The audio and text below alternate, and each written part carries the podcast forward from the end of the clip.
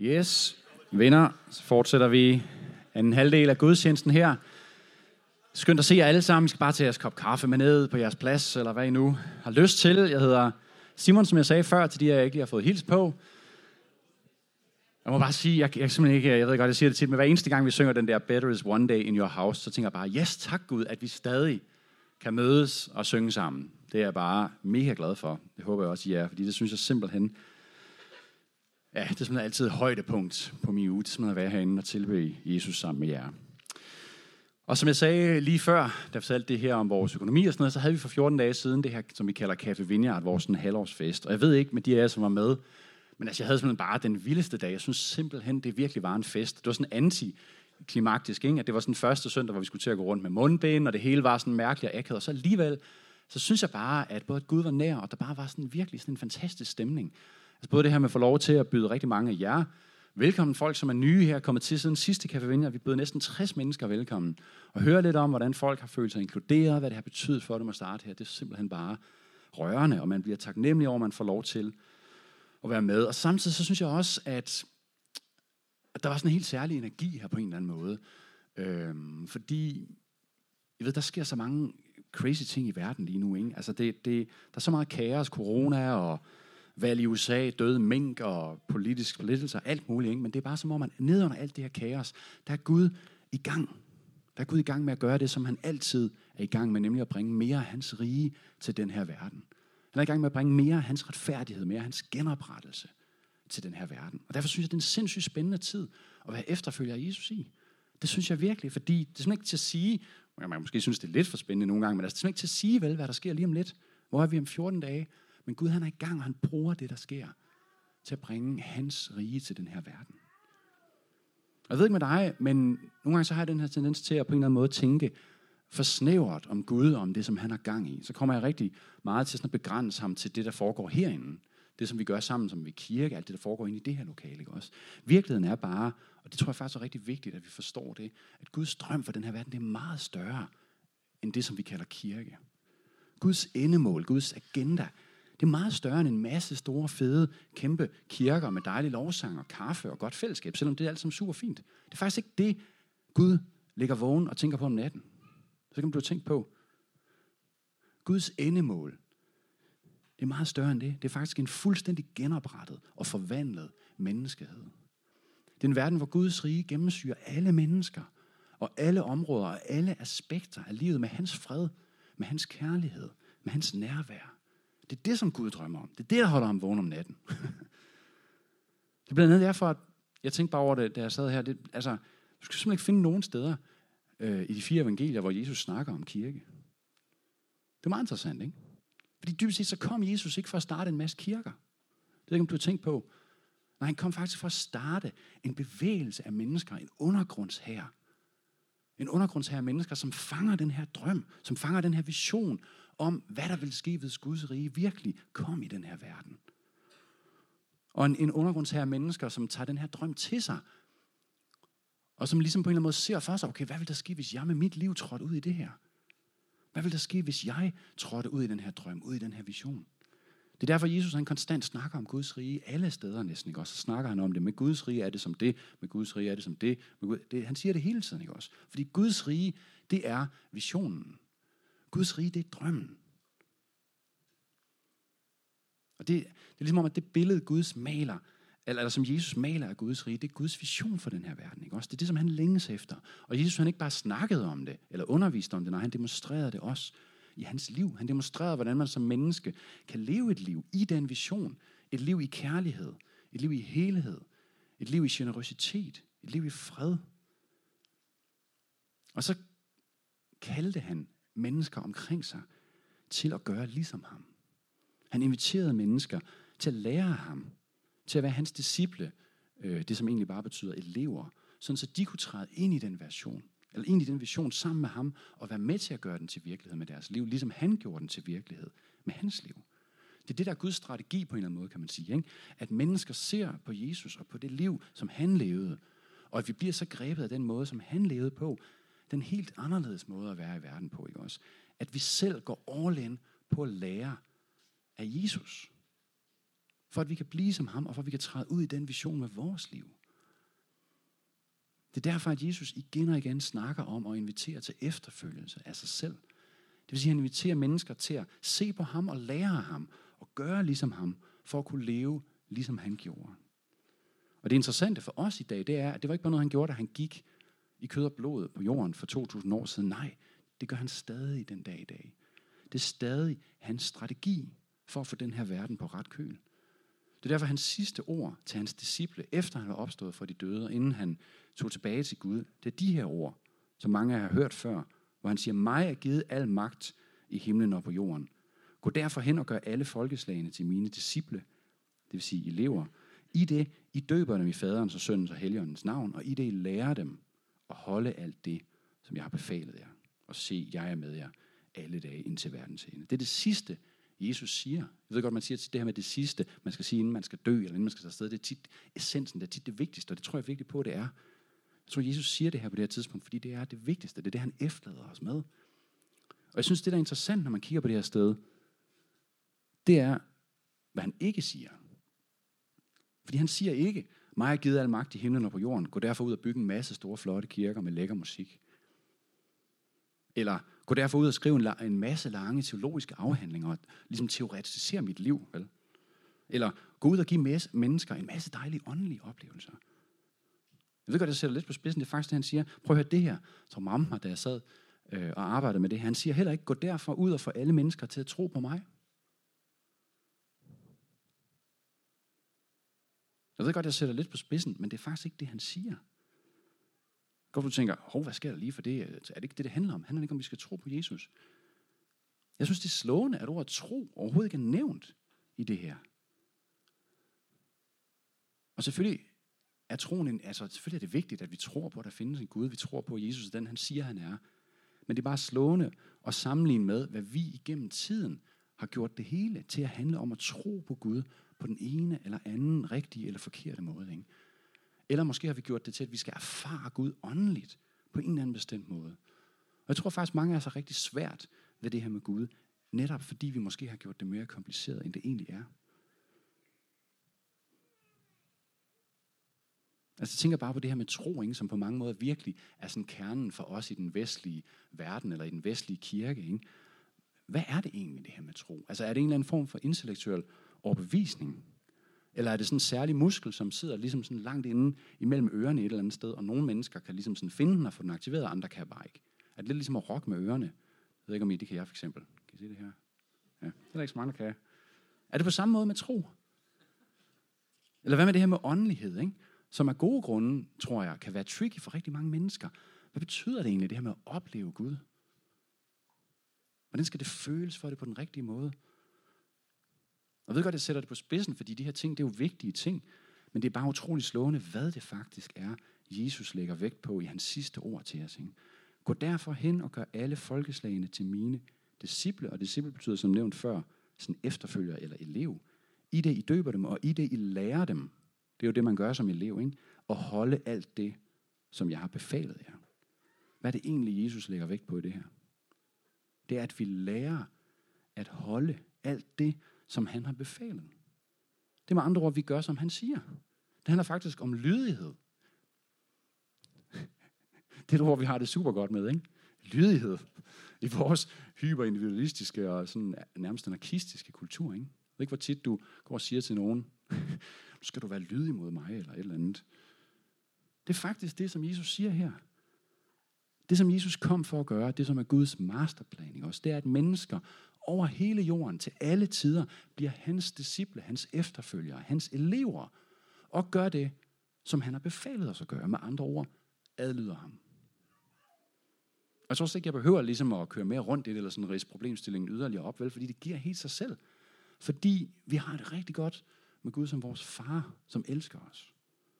Den far, som står med udstrakte arme, når vi vender hjem til ham. Vi har det rigtig godt med Jesus som vores ven, som vores frelser, som den, der redder os fra døden og fra vores egen komme til kort, som tilgiver os for alle de dumme og egoistiske ting, vi gør. Men vi har det altså bare overhovedet ikke særlig godt med alt det, som kommer bagefter.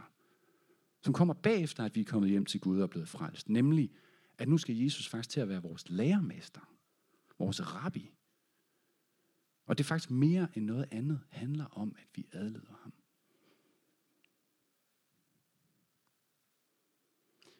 For nogle, øhm, jeg tror, tre fire måneder siden, der så Anne og jeg sådan lidt halv åndssvag serie på Netflix, som var ny på det tidspunkt. Det kan være, at nogen af jer har set den. Den hedder Cobra Kai. Man skal, sige, man skal sige det på den måde. For det er ligesom sådan. Men det, det, der er meget sjovt ved den her serie, grunden til, at vi, vi har ikke set den, vi har faktisk ikke set så meget af den, fordi så god var den heller ikke. Men altså, grunden til, at vi begyndte at se den, det er, fordi den er lavet som en efterfølger til den fuldstændig legendariske Karate Kid-film fra 1984. Og den er faktisk indspillet med de samme skuespillere. Nu her næsten 35 år efter, så det er jo næsten for sådan som os, som er børn af 80'erne, så er det jo nærmest sådan helt eksistentielt at se de samme, som var børn dengang, nu være voksne, og hvad for et liv lever de, og ligesom vi selv, og ja.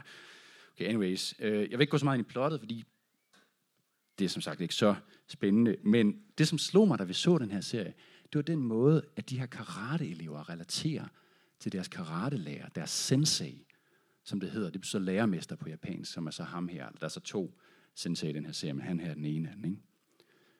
I ved, fordi i vores tid, så er vi meget optaget af alt sådan noget med coaching og lære på alle mulige forskellige måder. Vi er meget sådan optaget af sådan noget med selv at sammenstykke sin læring og det her med at finde svaren inde i os selv og sådan noget. Og det kan på mange måder være fint nok, men det har bare en slagside. Fordi hvis nu man nu for eksempel skal lære karate, så er der faktisk kun én vej frem. Og det er så ikke ligesom at prøve at finde svaret inde i sig selv på, hvordan man laver det perfekte cirkelspark. Det kan, jeg, det kan i hvert fald ikke mening for mig. Jeg har ikke noget svar på, hvordan man laver et perfekt cirkel. Den eneste måde at lære at lave det fede cirkelspar på, det er ved at finde en mester i karate. En sensei, og så lære det af ham. Så gør, hvad han siger. Det er helt old school. Og det, som slog mig, det var de her karate-elevers tilgang til deres mester, deres indstilling over for ham. Ikke? Den indstilling, som serien her portrætterer meget godt, man kan opsummere det i to ord, som er, Yes, sensei! Og nogle gange så er det så, no sensei, hvis han siger, Are you a loser? No sensei. Do we show mercy? Yes, no sensei. Ja, det er sådan, ja. Det, det, er ligesom, det er ligesom det, det kører på. Det er ligesom den, det, er det, man har ligesom på en eller anden måde at melde tilbage med til sin lærermester. Ikke? Og det er jo fordi, hvis man skal lære karate af sin sensei, så nytter det ikke noget, hvis man hele tiden skal stille spørgsmålstegn ved det, han siger. Det nytter ikke noget, hvis man hele tiden tænker, ah, men okay, jeg kunne, måske kan jeg selv lige finde en lidt bedre måde at gøre det på. Ikke? Det giver jo ikke mening, fordi senseien er jo sensei, han er jo karatemester af en grund. Hvis man hele tiden tvivler på, om han ved, hvad han laver, så afslører det jo, at han faktisk ikke er en sensei. Vel? Så afslører det, at man har faktisk ikke givet ham pladsen som sensei, som lærermester. Og så kan man faktisk altså lige så godt droppe undervisningen. Jeg er helt overbevist om, at det her, det også er grunden til, at mange af os, vi ikke føler, at vi oplever det, som vi mener, Gud lover os. Nemlig, når Jesus snakker om, at vi skal opleve et liv fyldt med fred, eller fyldt med håb, eller fyldt med glæde. At vi skal opleve helhed i vores liv og i vores relationer. Hvad nu, hvis det alt sammen er knyttet til, at vi rent faktisk forholder os til Jesus som en lærermester? Og faktisk lærer af ham, hvordan vi skal leve vores liv? Hvad nu, hvis fred og glæde og håb og helhed ikke er bare noget, som bliver sådan sappet ned i os den dag, hvor vi siger, ja, jeg tror på Gud?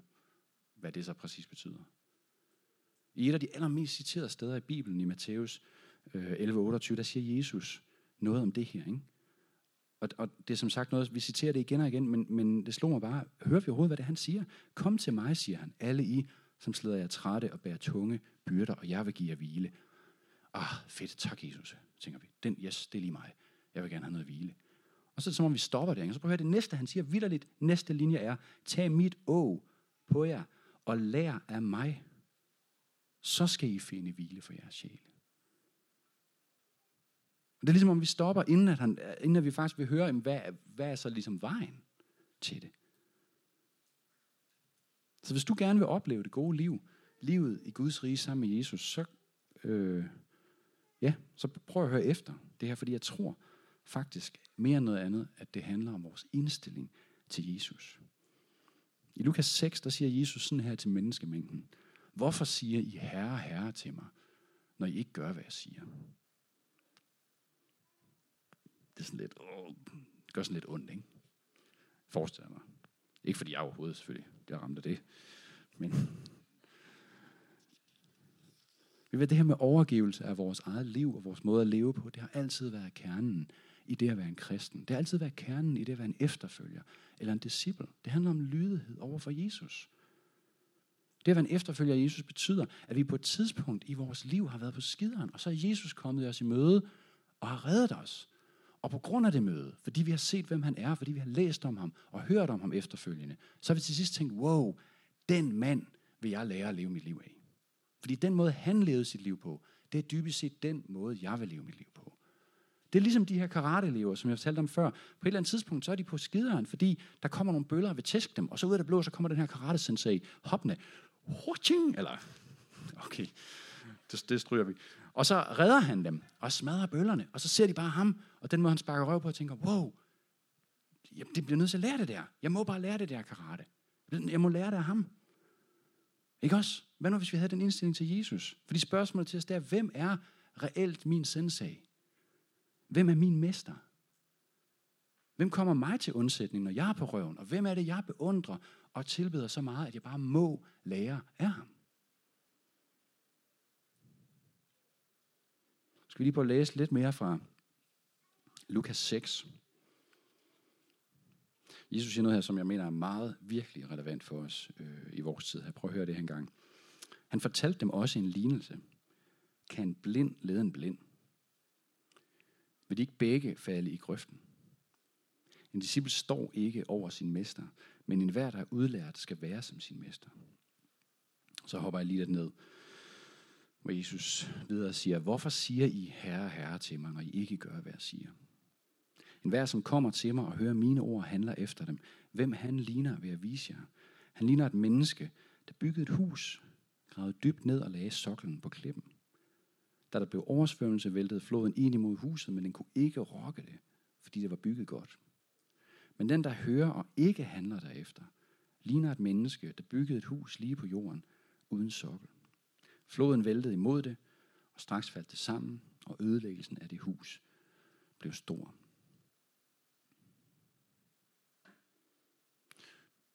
Og jeg ved godt, umiddelbart så, det her spørgsmål, som Jesus stiller i starten af den her tekst, kan blind lede en blind. Det virker næsten sådan retorisk, sådan lidt øh, fjollet nærmest, ikke? Men når man kigger ind bagved det, så er der faktisk noget vigtigt, virkelig vigtigt faktisk for os at hente, fordi øh, i Matthæus 15, hvor Jesus også siger det her med en blind, en blind, der kan vi se lidt mere sammenhæng, nemlig at når Jesus snakker om de blinde i den her kontekst, så er det farisæerne, han hensyder til. Og farisæerne var den her religiøse elite.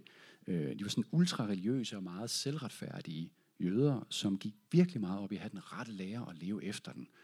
De har blandt andet opfundet, jeg ved ikke hvor mange, altså tusindvis af ekstra bud til motorloven, som om der var nok. Ikke? Og formentlig, det synes jeg er vigtigt at sige om det, formentlig så har de nok egentlig bare ønsket at leve et liv til Guds ære.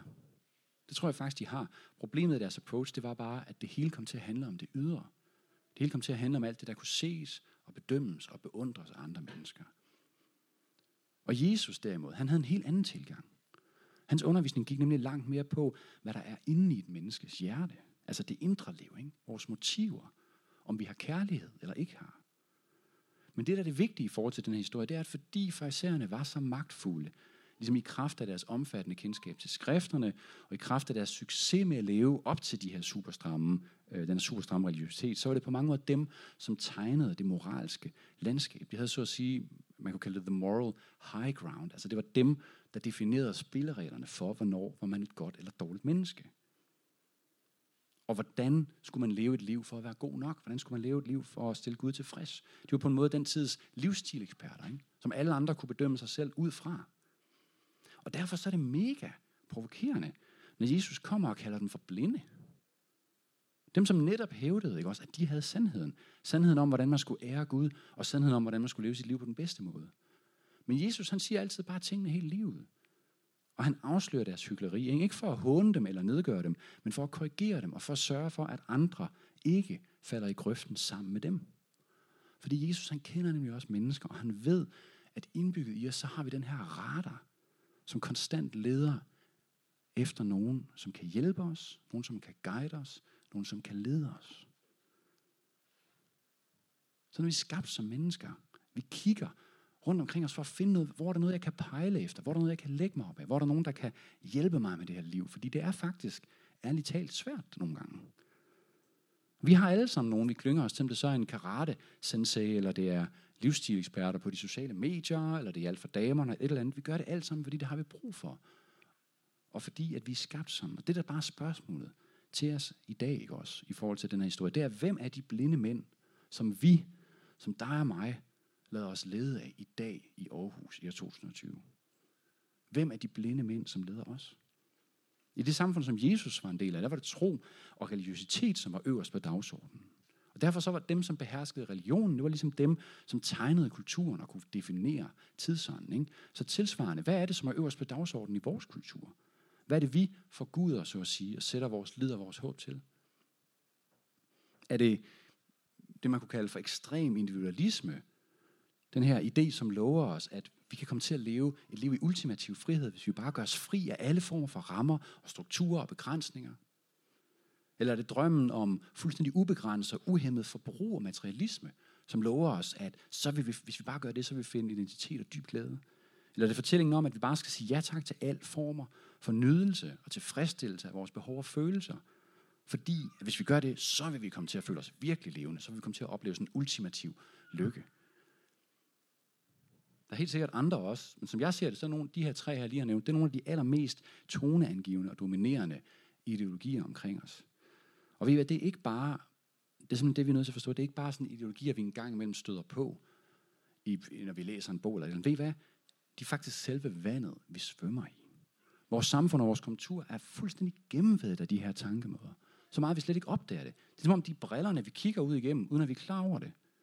Når vi ser en film eller en serie, så er de her ting det underliggende verdensbillede. Når vi lytter til radio eller podcast, så bliver vi fortalt det her direkte eller indirekte mellem linjerne. Når vi er på de sociale medier, bliver vi præget af det her. På vores studier bliver vi formet af det her. Det er simpelthen den jord, vi står på, og det er alle steder.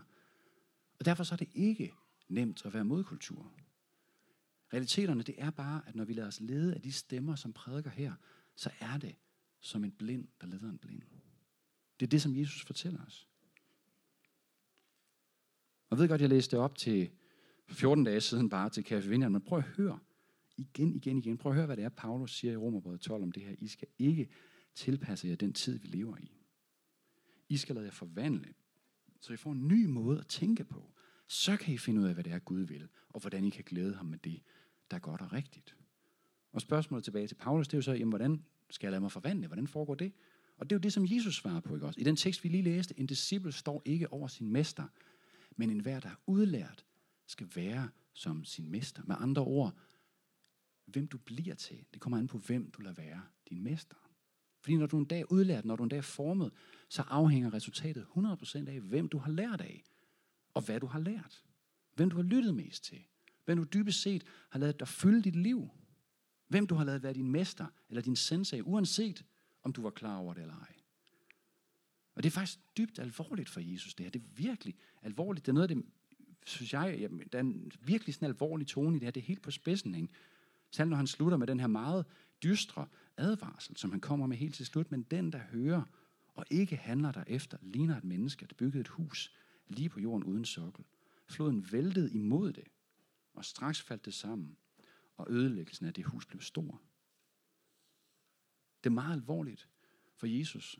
Og det han siger, det er, at der er simpelthen en rig mulighed for at høre hans ord. Men det, der gør hele forskellen, det er, om du handler på dem, om du adlyder ham. Der er rig mulighed for at komme her, eller en anden kirke, søndag efter søndag, til gudstjeneste, eller onsdag efter onsdag i netværksgrupper, hygge sig og lade talerne og lovsangen kildre os lidt i ørerne, måske stimulere os lidt intellektuelt, og så gå hjem efter sammen med vennerne og diskutere for og imod, og jeg vil ikke helt det der, og bla, bla, bla, sådan noget. Men når det kommer til stykket, overhovedet ikke at handle på det. Det er så nemt for os, der er så meget af vores kultur, som lægger op til, at det er sådan, vi forholder os til det. Vi kan høre Jesu ord igen og igen, uden at han er den grund af vores mester. Uden at vi adlyder ham. Men Jesus advarer os imod det, ikke også, i den her tekst. Ikke for at kontrollere os. Ikke for at manipulere os eller holde os nede, men fordi han elsker os. Fordi sandheden er, at der er ikke nogen anden vej, der fører til livet. Der er ikke nogen anden stemme eller nogen anden mester, vi kan lytte til, som leder os til liv. Der er kun ham. Alle andre er dybest set blinde. Og jeg ved godt, det kan virke voldsomt, eller sådan næsten dramatisk, og jeg tænker, åh, Simon er virkelig oppe at køre, men jeg mener virkelig, det er dramatisk. Fordi det er hele vores liv, det handler om. I den her øh, serie Cobra Kai der, så følger man den her unge mand, Miguel, som man så før. Han er helt alene i verden, og uden nogen, der ligesom ved ham eller noget. Ikke? Og så møder han så den her sensei, som så heldigvis er den forkerte sensei. Ham, som er leder af det her Cobra Kai. Ikke? Og selvom der er noget godt i ham i at finde en, som gerne vil ham, som vil investere i ham og sådan noget, så ender det alligevel skidt. Ikke? Fordi den ideologi, som Cobra Kai kører med, den er ikke særlig sund. Den er strike first, strike hard, no mercy. Og det giver sig selv, at hvis ligesom en ting er, hvis man gør det i karate, men hvis man ligesom prøver at leve sit liv efter den devise, så er det klart nok, det ender ikke så godt, vel? Og det gør det heller ikke for ham her, Miguel. Jeg har som sagt ikke set særlig meget, så det er ikke nogen spoiler. Ikke særlig meget i hvert fald. Det er simpelthen et spørgsmål om liv og død, det her, ikke også? Det er derfor, Jesus skærer det så tydeligt ud for os. Jeg kan godt tænke mig bare lige helt til sidst, bare lige komme ind om en særlig ting i forhold til det her, fordi vi lever i en kultur og et samfund, hvor vi bliver fortalt, at vi, kan, vi skal dekonstruere alting. Vi skal stille spørgsmål til alting, vi skal betvivle alting, vi skal have skepsis over for alting. Og hvis vi kan, så skal vi bare pille det fra hinanden. Og det er ikke fordi, at der er noget usundt i tvivl eller spørgsmål. Det vil jeg bare sige, det er der overhovedet ikke. Tvivl og spørgsmål er sådan set godt. Det, det handler om, det er bare, hvad gør vi med den tvivl og med de spørgsmål? Fordi tvivl og spørgsmål er godt på den måde, at hvis vi går ind i det, hvis vi er ærlige, så kan vi komme ud på den anden side, og så kan vi på en eller anden måde være blevet dybere mennesker. Så kan vores forhold til Gud, vores relation til andre mennesker, vores selvbillede på en eller anden måde er kommet ned på et dybere lag. Det, der bare er problemet, det er, hvis tvivl og skepsis og dekonstruktion, det bliver der, hvor vi ligesom bygger vores hus. Det er der, hvor vi tænker, der skal jeg bo. Det er ikke særlig godt. Det er simpelthen ikke godt for os som mennesker. Vi lærer det her sindssygt mange steder. Hvis du har prøvet at starte på et studie her i byen, så er det det. Pludselig så vil du opleve, okay, alle de ting, jeg egentlig havde taget for givet eller troet på før, pludselig så bliver jeg i tvivl om det hele. Og det er ikke fordi, at det ikke er okay. Det der bare, vi skal være opmærksom på, det er, det er faktisk en muskel, det er faktisk en bevægelse i sig selv, det her med at dekonstruere og pille alting fra hinanden. Og det er faktisk bare endnu en måde at gå til livet. Det er endnu en blind mand, som vil lede os. Fordi det er fint nok at stille spørgsmål og på en eller anden måde bruge det som en overgang til at komme videre, til at komme dybere med noget. Men det er ikke et sted, vi kan bo.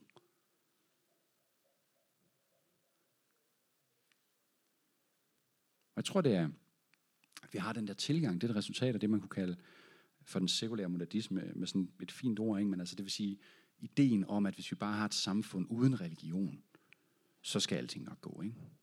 Fordi når man har det sådan, så er der ingenting, der er hellig, og alting kan betvivles. Og som sagt, så tvivl og spørgsmål, det er fint nok. Men i vores tid, der er vi lidt mere som de her teenager. Jeg ved ikke, om I kender den her short story af en, der hedder Graham Greene, som hedder The Destructors, som handler om nogle teenager, som bare i sådan ren kodhed beslutter sig for at rive et mange århundreder gammelt historisk hus ned, bare fordi de kan. Bare fordi de synes, det er sjovt. Og så imens øh, de gør det, så har de spærret ejeren øh, inde på hans toilet nede i kælderen. Og da han så fuldstændig knus kommer ud og græder og opdager, hvad der er sket med hans hus, hans hjem, ikke? så bliver han mødt af sådan en truck driver, som uforvarende havde været med til at rive huset ned, som bare griner af ham og siger, I'm sorry, I can't help it, Mr. Thomas, det er ham ejeren. There's nothing personal, but you got to admit it's funny. Og det er fordi, vi ved, ja, der er noget sjovt i at rive ting ned. Det er sjovt nogle gange. Vi kan se det i børn, ikke? Det er sjovt at ødelægge ting. Det giver sådan en dejlig rebelsk tilfredshed indeni. Ikke? Sådan, haha, jeg skal da i hvert fald ikke underlægge mig det der, eller jeg underordner i hvert fald ikke det der, vel? Paulus siger, at alt er tilladt, men ikke alt gavner. Og det er lige præcis det, der er pointen. Fordi vi kan godt rive alting ned. Det konstruerer hele verden, ligesom drengene, men hvor skal vi så bo? Hvor skal vi leve vores liv? Bare som et aktuelt eksempel, så har vi fuldstændig revet alt ned, som handler om seksualmoral. Alt er tilladt, siger vi til hinanden. Men når der så er nogen, som ikke kan styre den her ekstreme frihed, sådan som vi ser det lige nu i alt det her tragiske MeToo og sexisme, så er vi dybt forarvet. Og det skal vi jo også være, fordi det er jo forarveligt, det der foregår. Men vi glemmer, at vi har selv været med til at rive huset ned. Det hus, som faktisk havde et sundt og godt formål, nemlig at være en sund ramme for vores seksualitet. Og den her tilgang til verden og til troen er simpelthen dybt destruktiv. Fordi sagen er, når vi går ned ad den vej der, som bare hedder skepsis og dekonstruktion, så er det, den leder simpelthen den fundamentalt modsatte vej af efterfølgen af Jesus. Efterfølgelsen af Jesus kalder os til at lægge vores liv ned og følge ham og lære af ham og adlyde ham. Ligesom en karateelev adlyder sin sensei. Hvorimod den anden vej, skepsis og dekonstruktion, det bytter fuldstændig rundt på rollerne. Pludselig så er det som om, at det er os, der er dommerne. Pludselig er det mig, der sidder i dommersædet, og jeg har stævnet Gud og Bibelen og 2000 års kristen historie, og nu skal jeg gøre mig til dommer over, om det er sandt eller ej. Så er det mig, der skal dømme om, hvorvidt Bibelen er sand eller ej, om hvorvidt Gud er god eller ej. Om hvorvidt skaberen af himlen og jorden nu har ret eller mindre ret i hans vejledning. Så, så kan vi stå på sikker afstand og kaste rådne æg efter ham, ikke? Vores vrede skepsis, vores forkælede bitterhed. Som om han var en eller anden random facer, som prøvede at sælge os noget. Og ved hvad? Jesus prøver ikke at sælge os noget. Det gør han simpelthen ikke. Jesus prøver overhovedet ikke at sælge os noget. Jesus han taler sandhed i kærlighed til dig og mig. Også når det er hård tale, fordi du er hans elskede barn. Han elsker dig ufattelig højt. Han ønsker dig kun det allerbedste, og det piner ham at se, hvordan en blind mand leder en anden, og de begge to ender i grøften. Det smerter ham dybt i hans hjerte, når han ser hans elskede børns liv bræst sammen som et hus, der falder sammen i stor ødelæggelse. Ikke?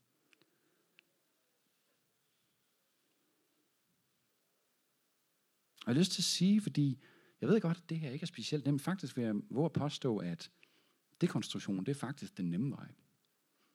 Det er nemt nok at pille noget fra hinanden. Det er faktisk langt sværere at bygge noget op. Og jeg kan bare sige til jer, jeg har simpelthen været der. Jeg har brugt år af mit liv på at svømme rundt i dekonstruktionens dyb. Det er meget dramatisk, ikke? Det var det ikke. Det var mest noget med at sidde op om natten og prøve at tænke store tanker og sådan noget. Mens vi spiste koldskål. Det der bare ved det, ikke også? Det er fint nok at gøre en fase, ikke også? Der er en tid til at rive ned, en tid til at bygge op. Det er fint at gøre det som en fase. Men det er simpelthen ikke et sted, vi kan bo. Det er ikke et sted, som sætter os fri. Fordi der er ingen svar. Der er kun flere spørgsmål og mere mørke. Og det kan godt være, at vi føler os fri, fordi vi aflægger alt det, alt det, der binder os. Men i sidste ende, så er det faktisk en forfærdelig frihed. Fordi der er ikke noget at stå på. Jeg har bare lyst til at sige til dig, uanset hvor meget du tvivler, uanset ligesom, hvor du er med din tro, og i forhold til Gud og med din åndelighed og alt det her, som kan være svært, midt igennem det alt sammen, så har du faktisk et valg. Du har faktisk et valg, om du vil følge Jesus, eller du ikke vil. Om du vil lade ham være din næste mester. Ikke? Og det er, faktisk, det er faktisk de gode nyheder til os, fordi jeg tror at tit så kan vi tænke, åh, men jeg har det lidt svært med det her i Bibelen. Kan jeg så være en disciple af Jesus, eller hvad? Eller jeg oplever måske ikke Gud åndeligt på den måde, jeg hører andre, eller et eller andet. Kan jeg så være med? Vi hvad? At være en efterfølger af Jesus, eller ham være din mester. Det har dybest set ikke rigtig noget at gøre med de ting. Det, det er vigtige ting, Bibelen og åndelighed og sådan noget, men det er ikke det, det bygger på. Og lad ham være din mester, det handler om at tage et valg. Det handler om, at du ser på ham, ser på hans liv, ser på, hvad han har gjort for dig, og du bare tænker, jeg vil lære af ham. Jeg vil leve mit liv, ligesom han levede sit liv. Det er det. Så det ultimative spørgsmål, det er, hvad er din indstilling til Jesus? Har du nogensinde taget valget om virkelig at være en disciple? En elev, som sætter sig ned ved mesterens fødder og bare suger til sig af hans visdom? Eller er det, vi læser i Bibelen og det, vi hører om i kirken, er det bare gode idéer blandt hundredvis af andre, hvor vi sådan lige tager det, som giver mening for os? Ikke? Er vi villige til at lytte til Gud og til at lære, også når det udfordrer vores verdensbillede? Eller ser vi dybest set os selv som dommeren, som har til opgave at stå og dømme og pille det hele fra hinanden? Jesus prøver ikke at sælge dig noget. Det mener jeg virkelig. Han er ikke sådan en facer. Alt hvad han gør, det er at vise dig sig selv. Og bede dig til stilling. Ligesom han kom til disciplen Thomas, hvis I kan huske historien. Den her disciple, som ikke vil tro på, at han var opstået igen. På samme måde kommer han til os. Han kommer ikke med teologisk hårdslående argumenter, eller sådan nogle sabber, så vi har sådan en vild, vild åndelig oplevelse. Og sådan noget. Nej, han kommer med hans hænder udstrakt imod os. De hænder, som stadig har mærker efter navnene fra korset. Han tager vores hænder, og så siger han, mærk på min side. Mærk såret. Mærk, hvordan jeg har blødt for dig. Mærk, hvordan jeg elsker dig. Og så visker han, følg mig til os. Følg mig, siger han. Lær af mig. Adlyd mig.